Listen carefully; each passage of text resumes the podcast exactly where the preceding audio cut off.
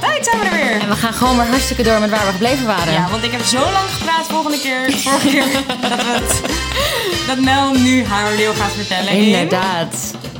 De grote geiten Melody Podcast Show. Yes, we zijn er weer. back. En eh, ook elke keer zeggen alsof mensen Ja, dat niet ja. door Ja, precies. We Zo moeten van- een nieuwe tekst verzinnen op We zijn er weer. We zijn er de hele tijd Ja. weer. Dat mensen dus- ook denken, we know. Ja, shut up. We zijn echt voor ons vakgebied zijn we weinig improviserend eh, Capabel. capabel. Klopt.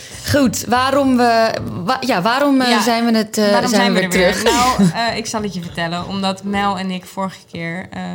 ja, natuurlijk weer Veel te ons lang aan het helemaal waren. ver- verloren hadden in verschillende onderwerpen. Dus nadat ik gekletst had over Lina Horn, The Brilliant, The Beautiful.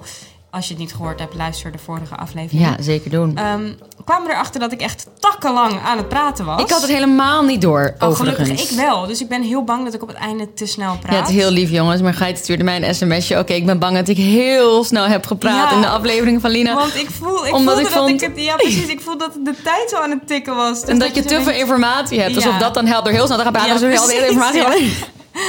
Nou ja, goed. Nee, dus helemaal niet. Het was een heel de mooi verhaal. eigenlijk in twee te knippen. Dus, Klopt. eh, En ook als eh, tweede belangrijke reden, redenen... De, de, de onderwerpen hadden zo niks met elkaar te maken. Behalve dat het zich in niet. Old Hollywood afspeelt. klopt. Dat, dat, het zich ehm, perfect ervoor leende. Zeker, want... Waar ga ik jullie mee naartoe nemen? Ja. Namelijk het volgende. Eigenlijk ben ik in mijn onderzoek een beetje doorgegaan op waar Gaite onze laatste aflevering met haar enge verhalen mee is begonnen. Namelijk het opsporen en het onderzoeken van een indrukwekkende lijst aan mysterieuze en bizarre moordzaken en dodelijke ongevallen uit, jawel, het oude Hollywood van de vorige eeuw. Joepie! En dat zijn er bizar genoeg nogal veel. Want wie denkt dat Hollywood alleen maar rijkdom, succes en schoonheid is, heeft het heel goed mis. Nee. Hollywood heeft niet alleen de titel gekregen van filmhoofdstad van de wereld. Ja. Ook is het vaak genoeg het toneel geweest van corruptie, georganiseerde misdaad en redenen tot complottheorie. Oké. We kennen de wat bekendere lugubere verhalen inmiddels. Zoals het verhaal van Peg Antwistle uit onze eerste Hollywood-aflevering. die dat jij sprong van het, verteld. van het, van het... Klopt. Een jonge blonde actrice die op haar 24ste zelfmoord pleegde door van de H van de Hollywood sign Oh. Zo te springen. dramatic. Ja. Dramatic. En ook vertelde Geit al eerder over de misselijkmakende moord op Sharon Tate, haar ongeboren baby Ja. en haar vrienden door Ja. de leden van de Manson family. Yep. Goed, dus jullie hebben inmiddels al wat Your algemene fair Hollywood share of horror murder. kennis. Maar Gaita, Ja. heb jij bijvoorbeeld ooit gehoord over de Black Dahlia? Oeh, ja. Maar ik moet Echt? zeggen, ik heb daarvan gehoord, want daar is een hele vette podcast van. Oh. Die ga ik zo wel even opzoeken. Die is echt heel erg cool waar ze op induiken. Maar ik moet zeggen dat ik zoveel podcasts geluisterd heb dat ik niet meer precies. Ik weet wel dat het gruwelijk is, maar ik weet niet meer precies hoe het werkt. Dus ik ben heel benieuwd. Nou, ga onder een dekentje liggen. Oké. Pak een kussen voor je hoofd of je oren. Ik weet niet hoe je dat doet met podcast. En luister en huiver. Want het verhaal gaat zo. Op de ochtend van 15 januari 1947 was een moeder met haar kind niets vermoedend aan het wandelen door Limert Park in Los Angeles. Toen ze dacht dat ze plotseling twee delen van een paspop zag liggen Oh op de my stoep. god. Toen ze dichterbij kwam, schrok ze van de gruwelijke werkelijkheid. Het was geen pop, het was het lichaam van een jonge, naakte vrouw die bij de middel door midden was gesneden. Oh my god. Maar er bleek nog meer vreemde en zeer gruwelijke dingen aan de hand. Haar armen waren zo gedraaid dat het leek alsof ze haar handen op haar hoofd hield. Haar mond was opengesneden van oor tot Kap oor. even. Alsof iemand een sinistere eeuwige glimlach wilde achterlaten. Oh. Ook was er geen druppel bloed te vinden. Wat betekent dat de jonge vrouw ergens anders was vermoord en dat het bloed volledig uit het lichaam was afgetapt, ged- gedraind, afgetapt. Niet veel later stond het hele park vol met politie, recherche en het forensische team. Het onderzoek werd geleid door de politie van LA, maar ook de FBI hield, hielp meteen mee aan deze zaak. Maar te midden van alle chaos en vragen die daarbij horen, was er eerst nog een hele belangrijke vraag. Wie was dit meisje? Ja. Het ging om de 22-jarige ambiërende actrice Elizabeth Short. En daar kwam de FBI al na 56 minuten achter.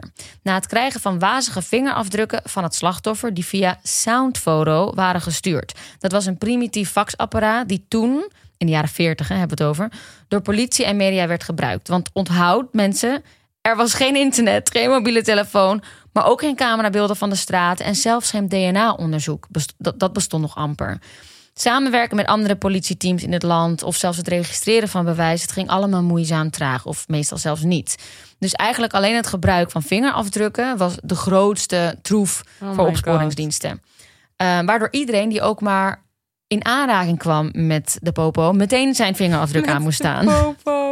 Dus ook al werd je opgepakt voor, voor, voor eh, dronkenschap, meteen Ja. je vingerafdruk, zodat de FBI gewoon zijn gigantische collectie eh, vingerafdrukken kon sparen. Ja. Goed, terug naar die vingerafdrukken. Want hoe kan het dat de FBI haar vingerafdrukken dus had? Ten eerste, omdat Elizabeth Short vijf jaar daarvoor op haar negentiende had gesolliciteerd naar een baan op de vliegbasis van het leger in Californië. Daar, daarvoor moet je natuurlijk je, Ja. je registreren, je vingerafdruk geven.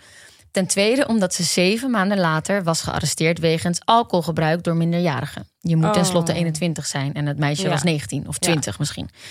De FBI had zelfs haar mugshot in zijn do- dossiers, dos- do- do- Dossier, ja. dossiers eh, en gaf die vrij aan de pers. Die haar de bijnaam The Black Dahlia gaf vanwege haar vermeende voorliefde voor zwarte kle- kleding en voor de film The Blue Dahlia die toen net was uitgekomen en waar zij blijkbaar fan van was. Oh my god. Oké, we weten nu in ieder geval wie het is. Ja.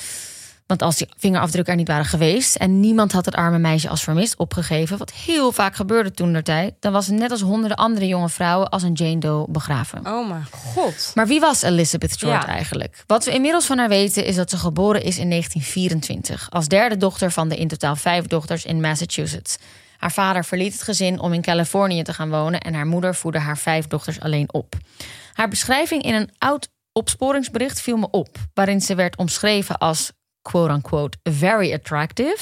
Met zwart haar, groene ogen, slechte ondertanden en vingerna vingernagels afgekloven tot het roze deel. Zo specifiek Oh my stond het. Dus eigenlijk gewoon, ja, ze noemen dat eh fingernails eh, eh, bi- bitten to the quick of zoiets. Oh dus het is, nou ja, dat roze deel.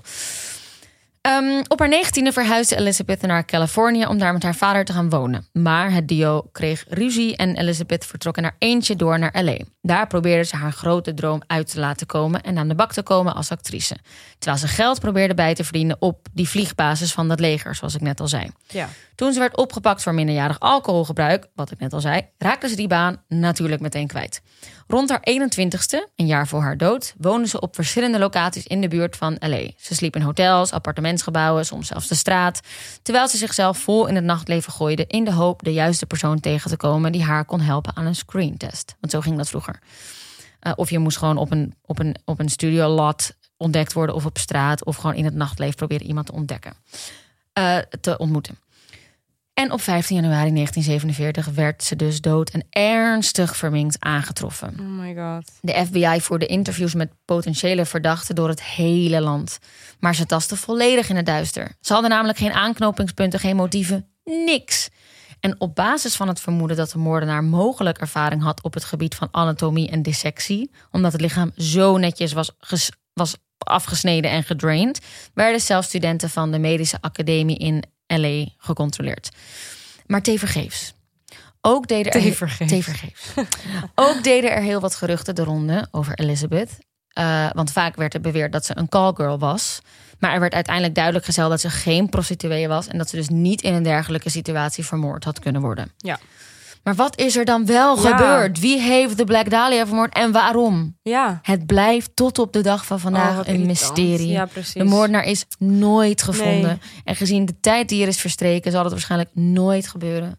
Dus de legende groeit en groeit. En, en wat we... Het is, vers- het is Ja, het is. Het is verschrikkelijk. Maar ehm, dit was de Black Dahlia, toch? Dit, was, dit was de Black Dahlia, maar ik heb echt nog veel meer onopgeloste hier- zaken. hier- dat, I love this. Maar hierover, als je hier dus in geïnteresseerd bent... de podcast waar ik het dus over had, die ik hierover gehoord heb... Ja, heet dus Root of Evil. Dat Oh, is echt ja. een tip. Echt en daar zullen ze vast wel ingaan op wel Ze gaan mogelijke verdachten Ja, en aanknopingspunten exact. Dus en ze- eh, de theorieën wie het Alles, mogelijk hebben ja. gedaan. Ja, dus precies. mocht je dit nou een interessante Want zaak zijn er vinden, wel is het natuurlijk. echt een hele fascinerende podcast. Ja. Het is niet zo van, oké, we kunnen er niet vinden. Nou, doei. nee, er zijn nee, heel er zijn veel onderzoeken veel gedaan, maar er is gewoon niemand gepakt. Ja. Precies, dus die eh, kan ik aanraden. Root of Goed Evil. zo, Root of Evil, nice. En de, de film, eh de film, De film. The Black Dahlia van Brian De Palma. Oh, nice. Ja, ja, ja met eh Josh Hartnett en eh, Scarlett Johansson. Cool. Ehm, en er is ook een cocktail naar haar vernoemd. Vet raar. Ja, de Black Dahlia is gewoon een cocktail. Oh my god. Super heftig. Nasty. Eh, goed, we gaan door naar de mysterieuze dood van actrice Thelma Todd. Oeh. Deze wereldberoemde oude Hollywoodster, echt wereldberoemd, Ja. werd op de ochtend van 16 december 1935 dood in haar auto in haar garage gevonden. Oh. Maar wat is er gebeurd? Welke geruchten over, over haar dood zijn waar? Maar eerst, wie was Thelma Todd eigenlijk? Goed. Thelma Alice Todd werd in 1906 in Massachusetts geboren. Net als ons vorige slachtoffer, toevallig. Eh, nadat Thelma een schoonheidswedstrijd had gewonnen, Super beauty. werd ze al snel ontdekt en tekende ze een contract bij Paramount Studios. Ze was op weg naar Hollywood, de meid. Ze ziet er ook echt uit als een old Hollywood star. Ja, ze, is, ja, ze was ongelooflijk getalenteerd en Hollywood profiteerde daarvan. Ze verscheen in meer dan 120 films en was vooral bekend om haar komische rollen naast de Marx Brothers en Buster Keaton. Die waren ook gigantisch. Hierdoor kreeg ze de bijnamen Ice Cream Blonde en Hot Toddy. Hot toddy. Hot Toddy. Op haar 26e trouwde Thelma met de filmproducent Pat DiCicco. Misschien heet hij DiCicco, maar ik zeg DiCicco. Die chico. DiCicco. Het bleek een zeer gewelddadige relatie te zijn. Want hè, hoe kan het ook Waarom ook anders in het oude Hollywood? Thelma belandde namelijk in het ziekenhuis na een van hun dronken vechtpartijen. Zo gewelddadig dat het was. Twee jaar later, later, later, kan niet meer normaal praten. Is het Twee jaar helemaal later Hollywood, jij? scheiden ze weer en meteen daarna kreeg Thelma een relatie met regisseur Roland West. Maar naast haar succesvolle acteercarrière was Thelma ook een ondernemende zakenvrouw. Want samen met haar nieuwe vriend eh, Roland kocht ze een pand op en opende ze haar eigen strandcafé langs de Pacific Coast Highway, Wow. genaamd Thelma Todd's Sidewalk Café. Yes, Thelma. Het café was een daverend succes, waarbij ze zich vooral richtte op imposante gasten uit de entertainmentindustrie en op de big spenders uit de onderwereld. Want ja, zoals ik al zei, dat ging nogal hand in hand Oh. vroeger. Thelma het woonde in het. mis Dit is belangrijk. Thelma woonde in het appartement pal boven het café. Maar helaas kon geen enkele hoeveelheid aan roem of geld het mysterie van haar mysterieuze dood ontrafelen. Ze was pas 29 toen ze stierf. 29? Ja, zo oud als jij, vriendin. Hoeveel... eh, fi- f- in hoeveel films had ze al gespeeld? Ja, oh, eh, nou, wat zei ik? Die wanneer ging ze eh, naar Hollywood? Ja, ze was tien jaar aan het werk ongeveer. Jezus. Ja, ja, ja. Heftig. Ehm, officieel werd haar dood beschouwd als een noodlottig ongeluk met koolmonoxidevergiftiging. Ze zou in haar auto zijn gestapt en de motor hebben laten lopen in een dichte garage met bewusteloosheid en uiteindelijk verstikking tot gevolg. Maar er zijn zoveel dingen die niet kloppen aan dit verhaal. Want volgens het autopsierapport bleek ze ook een gebroken neus, blauwe plekken rond haar nek en twee gebroken ribben te hebben gehad. Dus hoe verklaar je dat? Ja, niet. Oké, de gebroken neus, dit verzin ik zelf. De gebroken neus zou je wellicht kunnen verklaren door het bewusteloos neervallen van het hoofd tegen het stuur, toch? Als je. Oh ja. Oh, Oké. hier, dat vind ik het zo lief dat je hierover hebt nagedacht. Van, nou, die gebroken neus, die kan nog wel. Ja, die kan nog wel. Dat snap ik nog wel. Dat je dan, doink. Ja, ja. Maar de twee gebroken ribben en de blauwe plekken rond haar nek? No, no, no, no, no. Hell I don't no. think so. Maar sorry, hoezo so. is dit ooit bedacht? Dat kan niet. We Dat- gaan oké, ja. door. Ja. Want wat was er die avond precies ja, wat is gebeurd? precies gebeurd? Wat we weten is dat Thelma en haar vriend Roland de avond voor haar dood Nee, ruzie hebben gehad. Roland. Natuurlijk. Nee. Thelma ging daarna naar Had een Roland feest. losse handjes? Eh, vast wel. Vast wel, wie niet? Vast wel.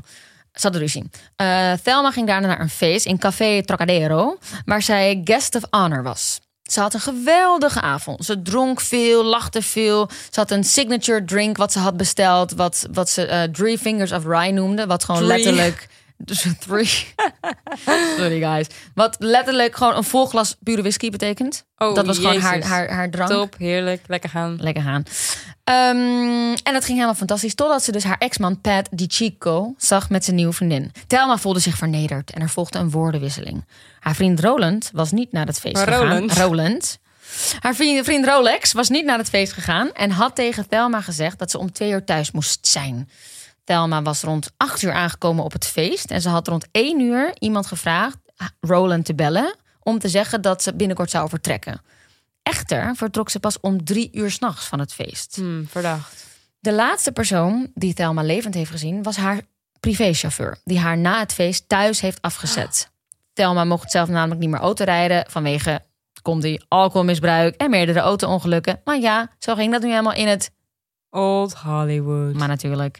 De chauffeur had gezegd dat hij vond dat Thelma ongewoon stil was. En hij zei dat hij haar niet naar de deur moest begeleiden, zoals hij gewoonlijk wel deed. De volgende ochtend. Hè, maar wacht, waarom is die stomme chauffeur niet gewoon blijven kijken tot ze binnen was? Ja, omdat zij dus echt waarschijnlijk heeft gezegd van nee, you go. Ja, eh, maar als ze zo lam is dat ze zelf niet meer kan rijden. Ja, maar het is ook jouw, ja. Ja en amen. Als Ja, zij zegt wat, ja, dat je iets moet doen. Ehm, en hij had niet kunnen voorspellen dat ze, vermoor dat ze Nee, jezus, dat er nee. iets zou gebeuren. De volgende ochtend wordt Thelma gevonden door haar dienstmeisje in de garage. En wat ik ook erg Ook verontrustend... Faya dat haar, Roland haar helemaal niet komt zoeken. Nee, ja. zeg maar, klopt. als ik niet op kom dagen, mag ik leiden dat iemand me wel een beetje gaat zoeken op een Ook gegeven omdat moment. het de garage... Nou, daar kom ik zo. De garage Ja. dicht bij Roland zijn huis was. En wat Oh, ik heel verontrustend... eh jawel, maar voor alle luisteraars raad ik nu aan... een soort van de, de, de, de map op te zoeken. Want er zijn echt maps die de crime scene een beetje... eh, reconstrueren, zeg maar met afstanden alles van elkaar. Oh, dus het café is daar, waar daar is doodgevonden daar. En dan zie je Ja, een beetje ja, wat ja, ik bedoel met hoe dicht de garage... Want de-. Roland, ja, daar kom ik zo. Ja. Ehm, goed.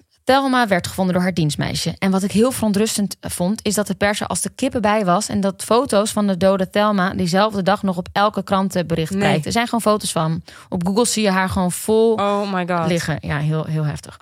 Goed, het vreemde. Pak de map erbij, jongens. Ga mee inspecten met mij. Oh mijn god, ik zie nu die dode foto's van haar. Ja, dat is echt heel heftig.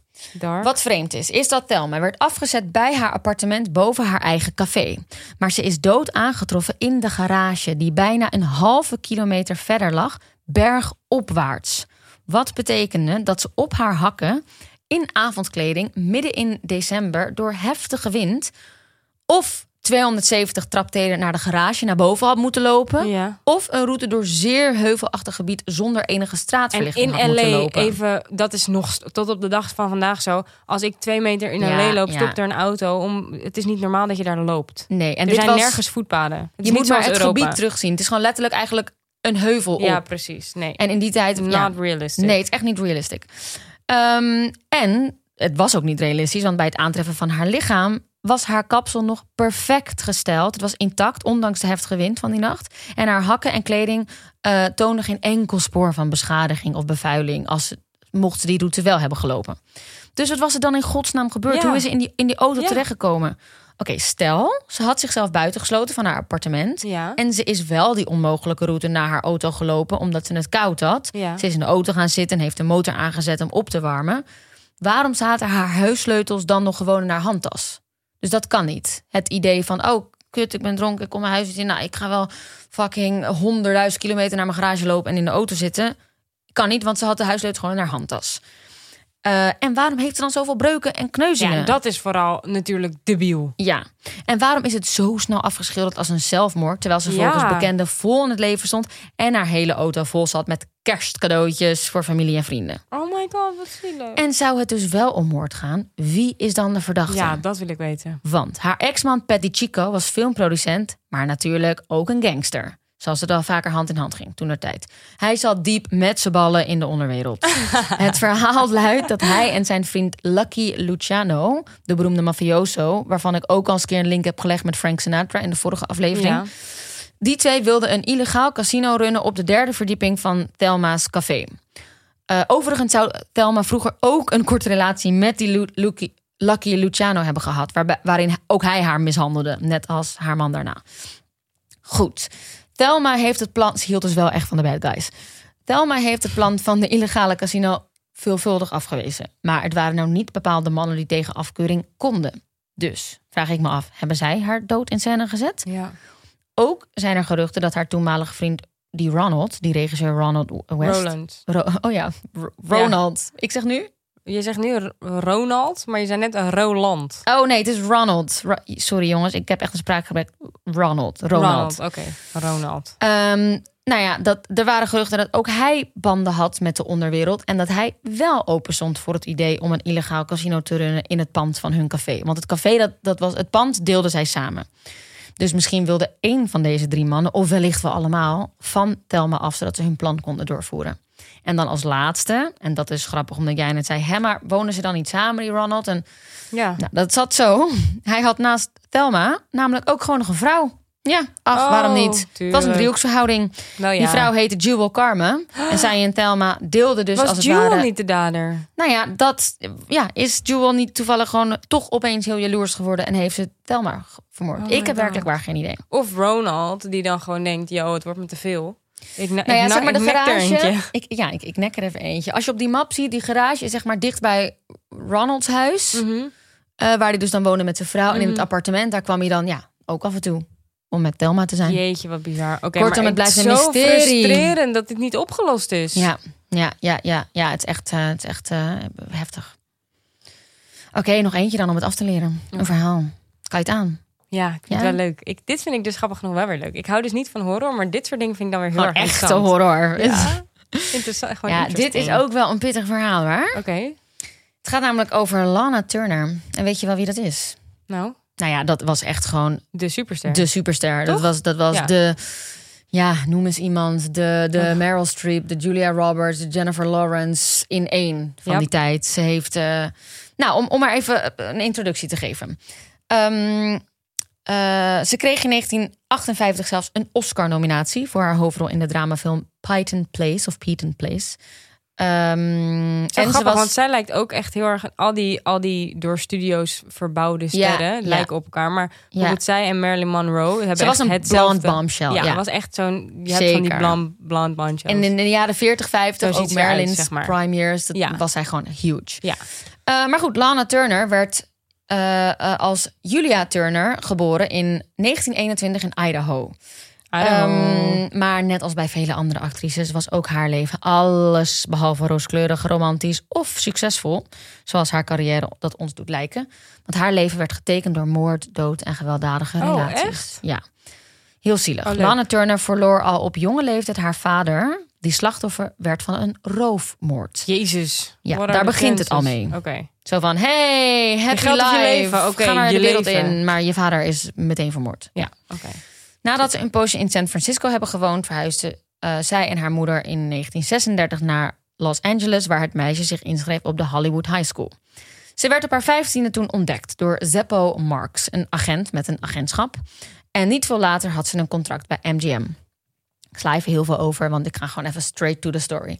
Straight to the Straight murder. to the murder. In 1937 maakte ze haar filmdebuut in, in het drama They Won't Forget van Mervyn LeRoy. Een regisseur aan wie ze werd voorgesteld door die Zeppo Marks. En Lana zou daarna meerdere keren samenwerken met die LeRoy, die toen echt al een gevierd regisseur was. Tijdens de Tweede Wereldoorlog werd Lana, nou, net als Li- Lana en Lina, net als Lina Ja. en Marilyn, eigenlijk al die actrices, een pin-up girl, een postermodel. En ze werd in die tijd ook een aantal keren gecast in romantische drama's waarin ze Clark Gable als tegenspeler had. ook een Oh, die bekende. kennen we wel. Zeker. Ze speelde nog in tal van succesvolle films, romantisch, comedy-drama. Ze kon het allemaal. Haar laatste film werd in 1991 uitgebracht. Wat heel Hey, geinig is, want dat, is mijn geboortejaar. Ja, dat is gewoon niet lang, niet lang geleden. Nee. Of wel, maar snap je? Niet lang Ah, geleden. Thank you. En een paar jaar daarna stierf ze aan keelkanker. Zo, die kwam even op je dak vallen. Wauw. Sorry.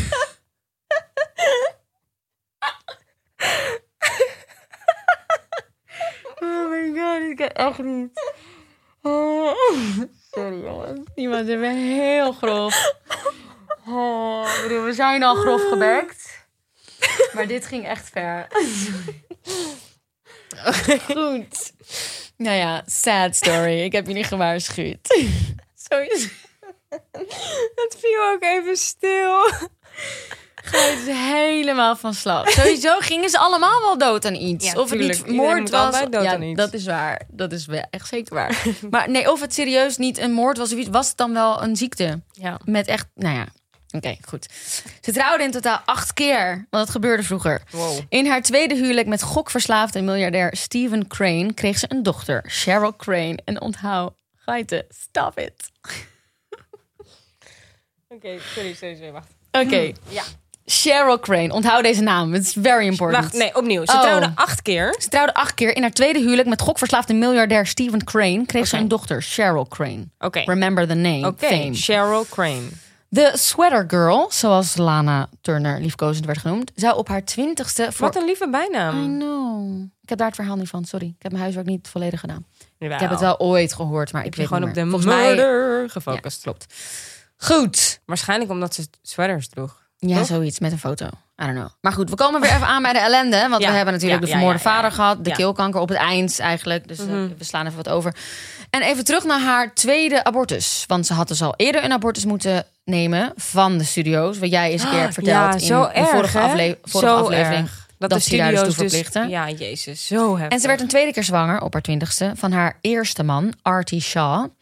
En MGM regelde een abortus tijdens haar publiciteitsreis door Hawaii. Oh maar luister, deze ingreep vond plaats zonder verdoving kap even. op haar hotelbed. Terwijl Lana's moeder haar mond bedekte met haar hand om het geschreeuw van haar dochter te onderdrukken. Oh mijn god. En een studiodokter werd 500 pond betaald, die vervolgens weer werd afgetrokken van het salaris van Lana nee. zelf.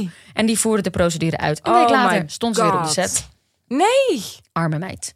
Jezus, Goed, we komen bij de, bij de nog heel meer even een, een, een kleine side note. Want eh, mocht je nou denken, huh, wat is dit met die abortussen? Ga heel even Ja, terug ja, naar ons eerste seizoen. Waar Mel en ik ook Old Hollywood afleveringen In de tweede gemaakt. aflevering hebben we het daarover. Of heb jij het daarover? Inderdaad. Over die sikke regels, Daar die mensonterende regels die de studiobaas hun actrices oplegden. En, en sowieso, heb je het nog niet geluisterd, wel interessant. Om, dan kan je makkelijker inhaken op de wereld waarin we ons nu Ja, ja, begeven. ja, omdat zeker, zeker. Anders denk je, oh, maar ik dacht dat het superleuk was vroeger. Nee, Is ook leuk, maar dan, he- je hebt dus wat meer geschiedenis. Dus dat Ja. is leuk. klopt. Dus eh, swipe naar seizoen 1. Of Swipe left.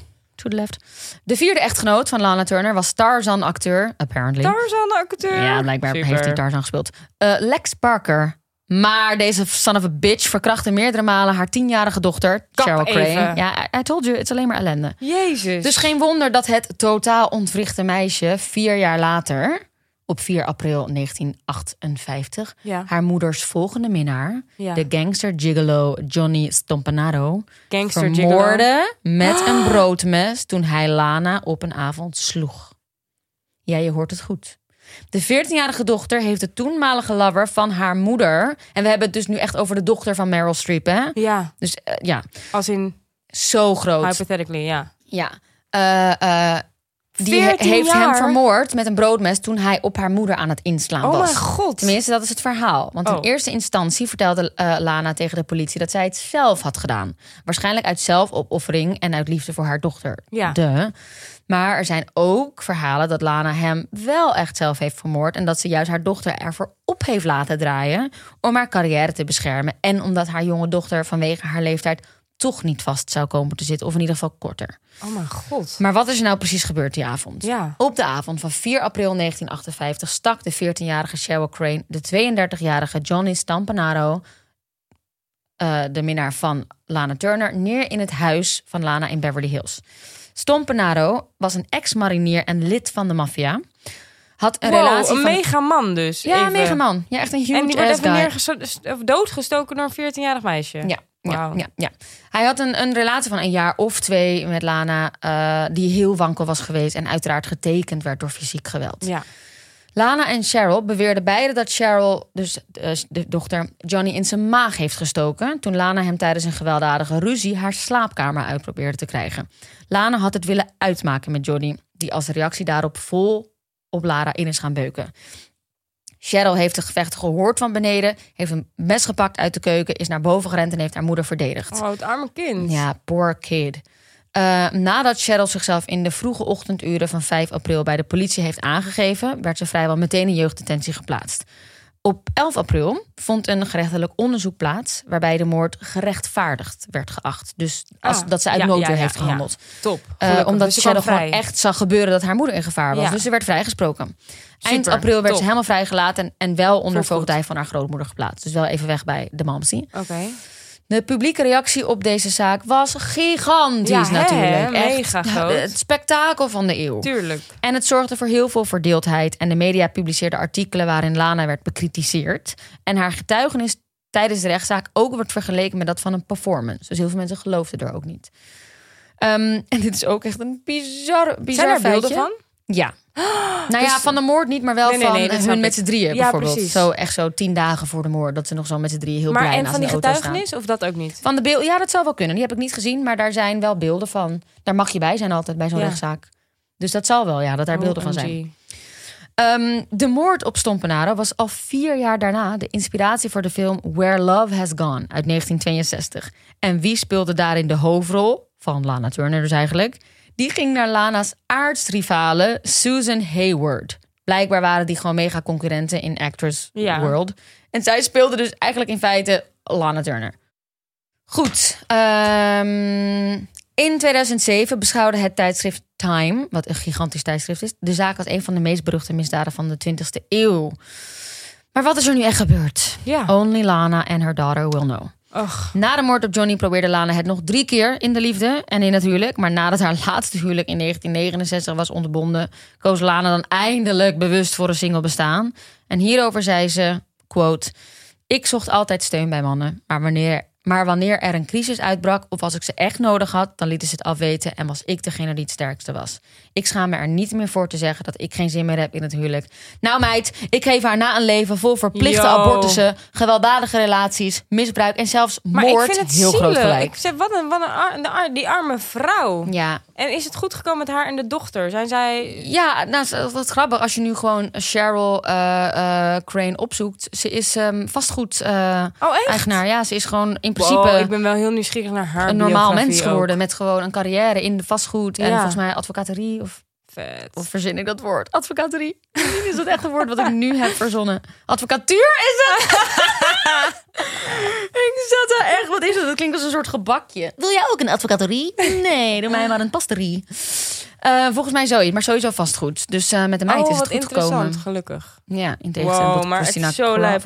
Hollywood zit zo vol met mysteries. Joh, ik heb echt nog, ja, ik heb echt nog zo. Ik ga, daar heb ik geen verhalen over, maar nog even een paar feiten Ja, op een doe, rijtje. leuk. Nog een Ja, paar mysterieuze en bizarre moorden en op een rijtje. Want Natalie Wood, Oh, verdronken, dat blijft ook een maar die mysterie. hebben, we- daar hebben we het in het eerste seizoen ook nog over gehad. Over Klopt. dat... Die... Blijft een mysterie, want de meid had een fobie voor water. Exact. Een fobie. Eh, ze was op een boot met haar man en de be- hele bekende acteur Chris, Christopher. Ja, een soort, het was een soort van de Brad Pitt van die tijd. Ja, ja, ja, zeker. En Christopher Waltz, die was er ook bij. Of Ja. zeg ik nou, nu zeg ik een verkeerde naam trouwens. Oh. Maar hier heb ik het over gehad in het eerste seizoen. Klopt. En wat daar gewoon heel vreemd aan was, is omdat gewoon iedereen wist dat ze doodsbang was Ja. voor water. Ja. Omdat ze ook niet kon zwemmen. Dat het gewoon het echt lijkt van En hè, dat ze ook, ze is verdronken gevonden, maar ook gevonden met een gebroken neus en kneuzingen en dingen om de zo nek. Dus erg. ja, Ja. dat is, dat is eh, heel, heel heftig. Je hebt de, ja, de heftige dood van Carol Lambert. Dat was, eh, eh, ja, nee, ik ga helemaal niet zeggen liefje van. Was gewoon een actrice. ja. En die is met een vliegtuigongeluk met haar hele familie op Met haar 33-jarige hele familie? leeftijd. Ja, is ze omgekomen. Een van de eerste vliegtuigen.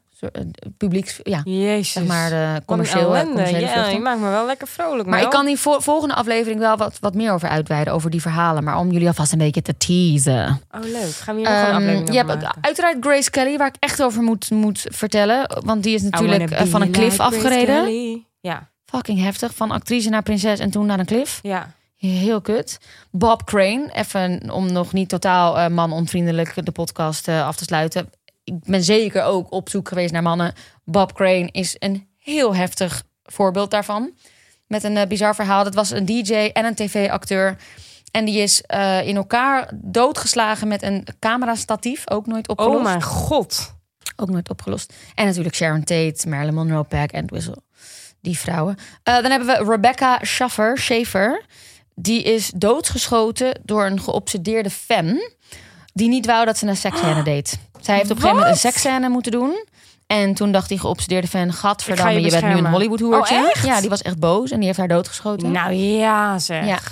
En ik wil ook toch een kleine shout-out doen naar Britney Murphy. Een kleine shout-out. Ja, want I loved Britney. En het is Britney- niet vorige eeuw. Het is Nee, niet nee, nee, Hollywood. echt maar heel ook haar dood is fucking mysterieus. Want Echt? Ja. Ik dacht dat zij gewoon nee, ja, de- overdosis? nee, in principe is er heel veel in haar lichaam gevonden. Ja. En haar, haar vader heeft zich echt, is nog steeds hard aan het maken om gewoon echt te onderzoeken wat er nou is gebeurd. Hij denkt aan vergiftiging, hij denkt aan mentaal vergiftiging. Omdat haar man een maand later precies om dezelfde mysterieuze redenen is gestorven. Dus gewoon, dus gewoon orgaanfalen wel. Dus, Maar wacht, ik dacht, ik dacht dat zij was overleden aan een en haar man ook. Nee, maar er wordt ook gezegd dat ze bijvoorbeeld eh, is overleden aan anorexia. Dat ze, kijk, sowieso Oh. aan gezondheid. Het is geen Ja. ongeluk geweest, het is geen...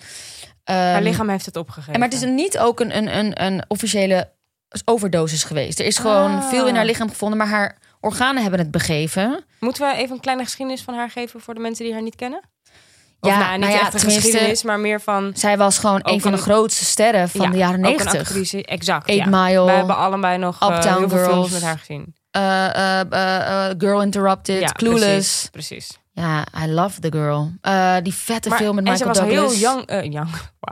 Jong. Don't say my name, don't say a word. Oké, hou Ja, on. nee, nee, zo heet Nee, die film. Ja, ja, maar vet. en, en heel jong toen ze stierf. Ja, 36 of zoiets. Ja. Net als mij. Ja. Misschien nog jonger. Maar dus ook haar dood blijft toch de speculatie van... ja, wat was het nou? Hoe kan je opeens doodgaan aan spullen in je lichaam? Zo Zonder dat er dus echt drugs waren. Hè? Gewoon, ja, de, de vader wil, wil echt weg van... maar er zaten metalen in haar lichaam. Wat is er gebeurd? Wat? Ja, maar ik kan daar best volgende keer wat, Dat is wel wat leuk. meer over uitweiden. Ik ben voor, ik ben pro nog een Hollywood aflevering. Maar als Zeker. jullie dat ook zijn, laat het ons zeker weten en mail ons naar de grote Inderdaad, dan podcastshow. weten we of we gewoon dag en nacht komen. Ja, je zegt het goed. Ja, zeg ik het goed? De grote Ja. podcastshow at dagennacht.nl. Ja, klopt. Of slide in onze DM's Yes. op Instagram at Melody Klaver en at. Ja, doe, doe, doe. Ehm, want dat is superleuk. Als jullie denken van ja, maak hier nog een, een aflevering over, dan doen we dat met liefde. Of als jullie zelf een onderwerp hebben, zijn we ook altijd heel erg eh, willing om dat Ja. eh, om, om geïnteresseerd wat jullie aandragen. Zeker. Dus kom vooral door met input. Doe dat. Ik stem voor nog een, eh, een Ik, aflevering. oh, ik vind het heel ik kan hier echt niet over uitgeluld I raken. know, I love it. Nou, heel leuk, schat. Zeker. Schat. Wel Ja. een beetje meeliften op de ellende van de mensheid toen. Ja, ja, dat is ook wel weer heel erg Hollywood. Totaal, very Hollywood. Nou, Zowel onder de glamour, maar wel een en al ellende. Eh, Alright, geiten. hè? Tot, dat was hem ehm, weer. Ik vond het. eh, ik, vond- volgende ik ben week. heel blij met deze Old Hollywood Mysteries. Deze ellende. En, ja. En eh, toch ook met de Pioneers verhaal. Ja, zeker. Nou, eh, Eh, ik mis je. Ik hou van je. En, We eh, bellen. Stay woke. Stay woke. Ah. Stay healthy, stay woke. Stay healthy, stay woke. Alright. Dag luisteraars. Doei. De grote